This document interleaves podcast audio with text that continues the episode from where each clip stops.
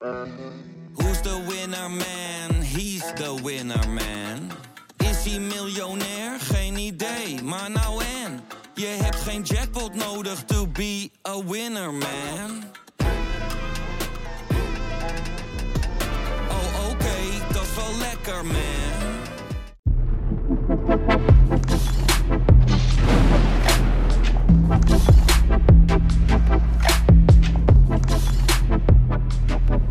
Goedemorgen Jos. Goedemorgen. De VZSM van donderdag 15 september. We hebben de Champions League gehad en de Europa League en Conference League komen eraan. Heel belangrijk voor ons. Maar laten we nog even teruggaan naar de Champions League. Want er was ineens een doelpuntenmaker met een verleden van bij ADO, Groningen, FC Twente, Twente, ja. Queen? Park, Queen's Park Rangers. Spreekt iets binnen tot de verbeeldingen. Ja, ik denk dat de mensen het wel weten die een beetje gisteren gezien hebben. Ook op onze site was het veel te lezen. Jaron Sherry. ja, mooie goal ook. Leuk hè? Ja, Ja. dat was een goede goal. Dat is het echt Champions League niveau. Alles op hoge snelheid. Ik bedoel, die bal die was super strak. En dan moet je gewoon in één keer handelen om het, eh, om het goed te maken. En ja, het is ook niet zo... Hij scoorde tegen PSG. Dus ontzettend knap voor Maccabi Haifa. Ja. Dat maakt het alleen nog maar knapper. En dan ook nog, ze speelden niet in een eh, slechte opstelling PSG. Je zou zeggen, als ze dan in Israël spelen, dan geven ze wat sterspelers rust. Ja. Maar voor mij stonden Sergio Ramos en eh, Kim Pembe eh, gewoon achterin, centraal achterin. Ja. Ja, dat, dat is echt knap. Ja, en uiteindelijk heeft Maccabi Haifa er niet zoveel aan. Wordt het gewoon 1-3 natuurlijk, de sterren nemen het over. Eh, maar leuk. leuk Maar dat toch je de dan- reacties op de tribune waren wel mooi. Want Van ja, de grote sterren van PSG, en Neymar, Messi, Mbappé, ze staan er allemaal in. Ja. Nou, uiteindelijk regelen ze het ook wel eventjes. Maar ze staan erin. Sherry eh, zet eh Haifa op voorsprong. En je ziet meer mensen meer van met verbazing juichen Ja. van wat gebeurt hier. Ja, maar je kunt er ook heel goed voorstellen dat dit iets is wat mensen nog tien jaar later gaan vertellen. Van, hé, hey, Ja. ik zat toen in het stadion toen wij op 1-0 kwamen tegen, tegen een club die... eh hoeveel geven ze uit aan, eh, aan nieuwe spelers? Eh, 200 miljoen, 222 miljoen voor één speler geven ze uit. Ja. Nou, dat doet eh, volgens mij Maccabi Haifa 20 jaar over om dat een beetje bij elkaar te sprokkelen via Europa. Nee, fantastisch. En, Ja. eh, en echt gewoon heel leuk dat je dan zo'n speler op de raden krijgt. Want hij was in de voorbereiding eh, richting dit seizoen in de voorrondes was hij ook best wel goed. Had hij ook best wel belangrijke dingen laten Ja. zien. Hij was ook al een goede speler, hè? maar hij is een tijdje natuurlijk een beetje uit beeld. Dat je ja, goed, wat, wat verder weg eh, Ja. gaan voetballen. Eh, nu in Israël natuurlijk. Maakt hij een mooi doelpunt. Maar je ziet dan bijvoorbeeld een, een moment later. Met een aanname, schot op doel. Hele technisch vaardige speler. Eigenlijk de speler die, die wij herinneren uit de Eredivisie. Zagen we gisteren wel weer terug. Ja, echt een creatieve speler. En het is gewoon, hij weet gewoon, ik krijg het vertrouwen daar. Hij heeft, hij heeft voor mij in Engeland iets moeilijker gehad. Dat hij eh, gewoon ja, minder. Het is toch Engels voetbal. En eh, Ja. dat is iets fysieker. En het is gewoon een kleine jongen. Maar gigantisch creatief. Wat hij met zijn benen kan, dat is fantastisch. Ja, en als je dan bij Maccabi Haifa daar. Eigenlijk is het elftal ook een beetje op hem ingericht. Weet je, hij is daar gewoon echt een grote man. Ja. Eh, figuurlijk dan. Eh, maar dan, ja, dat, dat doet hij gewoon fantastisch. Ja, mooi. Nou, goed nieuws. We gaan nu naar de Conference League en de Europa League. Eh, want, ja, AZ en Feyenoord moeten het voor Nederland gaan doen. Want jij maakt je een beetje zorgen? Ja, klopt. Ja, jij bent als directeur voor video ben jij eigenlijk wel een beetje verantwoordelijk voor de indeling van. Maar ik heb je gesmeekt om even de coëfficiënten te mogen behandelen. Want inderdaad, ik maak me wel een beetje eh, zorgen om onze coëfficiënten. Ik heb het een beetje op een eh, rijtje gezet met alle groepsindelingen. Ja. Het is een beetje de situatie schetsen. Wij staan nu voor op Portugal. En dat verschil is anderhalf punt, om het even makkelijk te zeggen. Ja. En ehm, wij moeten die positie vasthouden om over twee jaar twee vaste Champions League tickets te krijgen. Oftewel, de nummer 1 en de nummer 2 van de Eredivisie gaan dan zeker de Champions League in. Ja. Dat is een gigantisch voordeel.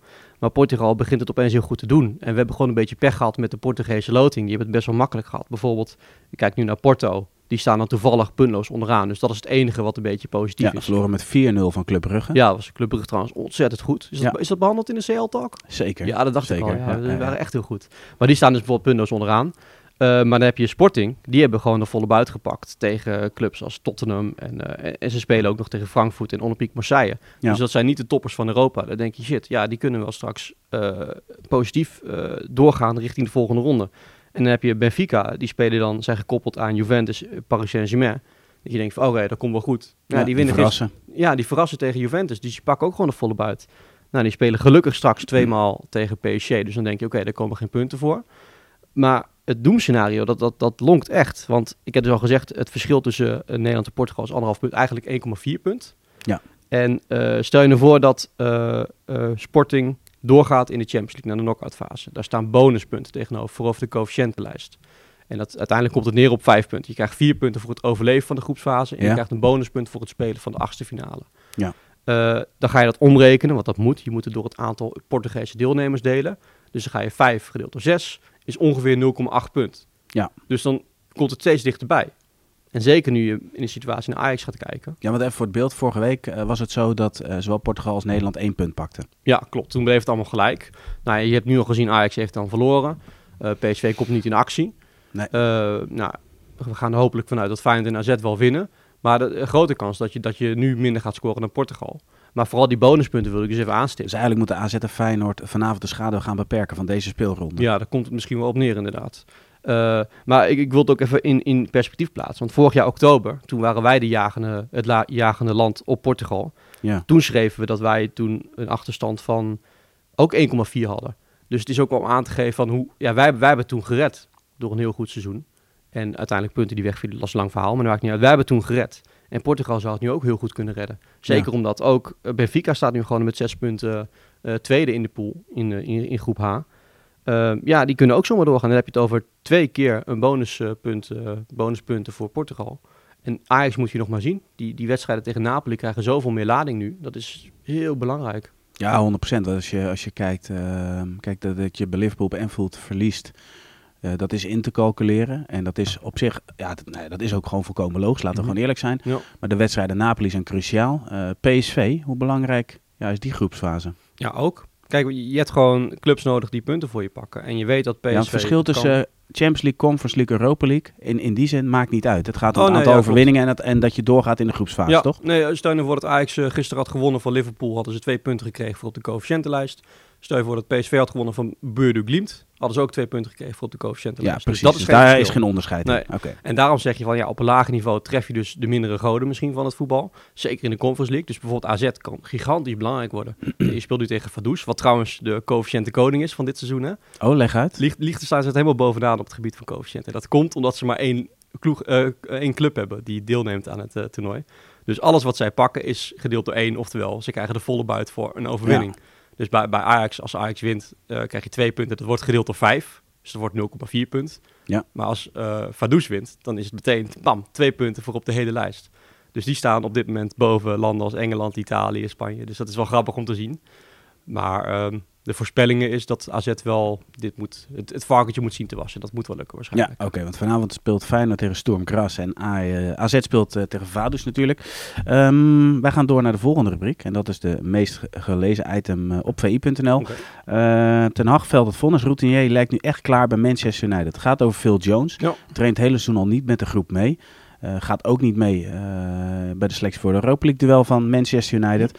dus Ten Hag gaat langzaamaan de bezem er doorheen halen. Ja, logisch. Ja, die heeft waarschijnlijk gewoon die selectie heel goed bekeken. Ook, ook bijvoorbeeld met een Juan Mata heeft hij gewoon gezien van oké, daar gaan we niet mee verlengen. Vorig seizoen kreeg hij nog een jaartje erbij en nu zegt Ten Hag echt van ja, dat, dat past gewoon niet bij mij. Nou, Phil Jones is ook, ik denk dat iedereen het wel weet, die Phil Jones ooit een keer heeft zien voetballen. Die past natuurlijk geen seconde in het spel van Erik ten Hag. Nee, Ja, maar dat dan zeg ik ik nu 229 wedstrijden voor United. Eh man met een staat van dienst. Is dit dan de manier om afscheid te nemen? Dat is dan de vraag. Dus Ja. kies je echt gewoon keihard nee? Of is er een tussenweg? Nou, ik vind dus kaart nee. Want dan geef je bijvoorbeeld ook een kans om, eh, om echt gewoon nu al te kijken van... Ja. oké, hoe ziet mijn toekomst eruit naar, richting een andere club? Ik vind, het wel, ik vind het gewoon netjes. Het moet zo eerlijk mogelijk zijn. Dat is voor Ja. mij die Phil Moneyball. Ik weet niet of je die gezien hebt. Zeker. Daar hebben ze het er ook over van, weet je, wat zijn professionals? Die hebben hiermee te maken. Eh, wees gewoon duidelijk en eerlijk, draai er niet omheen. Bam, zo moet je het zetten. Ja, Ja. en natuurlijk hij heeft veel wedstrijden gespeeld. Maar goed, eh, dat heeft hij waarschijnlijk de afgelopen jaren veel gedaan. En hoe heeft Manchester United het afgelopen jaar gedaan? Niet goed. Dus ja, dan speel je wel veel wedstrijden. Maar het is anders dan een, eh, bijvoorbeeld een Daley Blind... die veel speelt, maar ook titels pakt bij Ajax. Ja, klopt. De laatste titel was natuurlijk met Van Persie. Dat is al lang geleden. Ja, Ehm, van der Beek ook niet bij de selectie, maar dat heeft een andere reden. ja dus eh, toch weer die blessure al de laatste weken. En dat is toch jammer, want ze spelen tegen in Moldavië. Tegen Sheriff, zeg ik dat goed? Slecht hè? Eh, als jij het even opzoekt, dan praat ik de tijd vol. Nee, voor mij spelen ze tegen Sheriff, dat dacht ik. Met eh Kai Tejan. Eh, en dat zijn dan toch wel de wedstrijden dat je denkt van... hé, hey, daar kan Van der Beek... eh daar kan Van der Beek minuten maken. Ja, absoluut.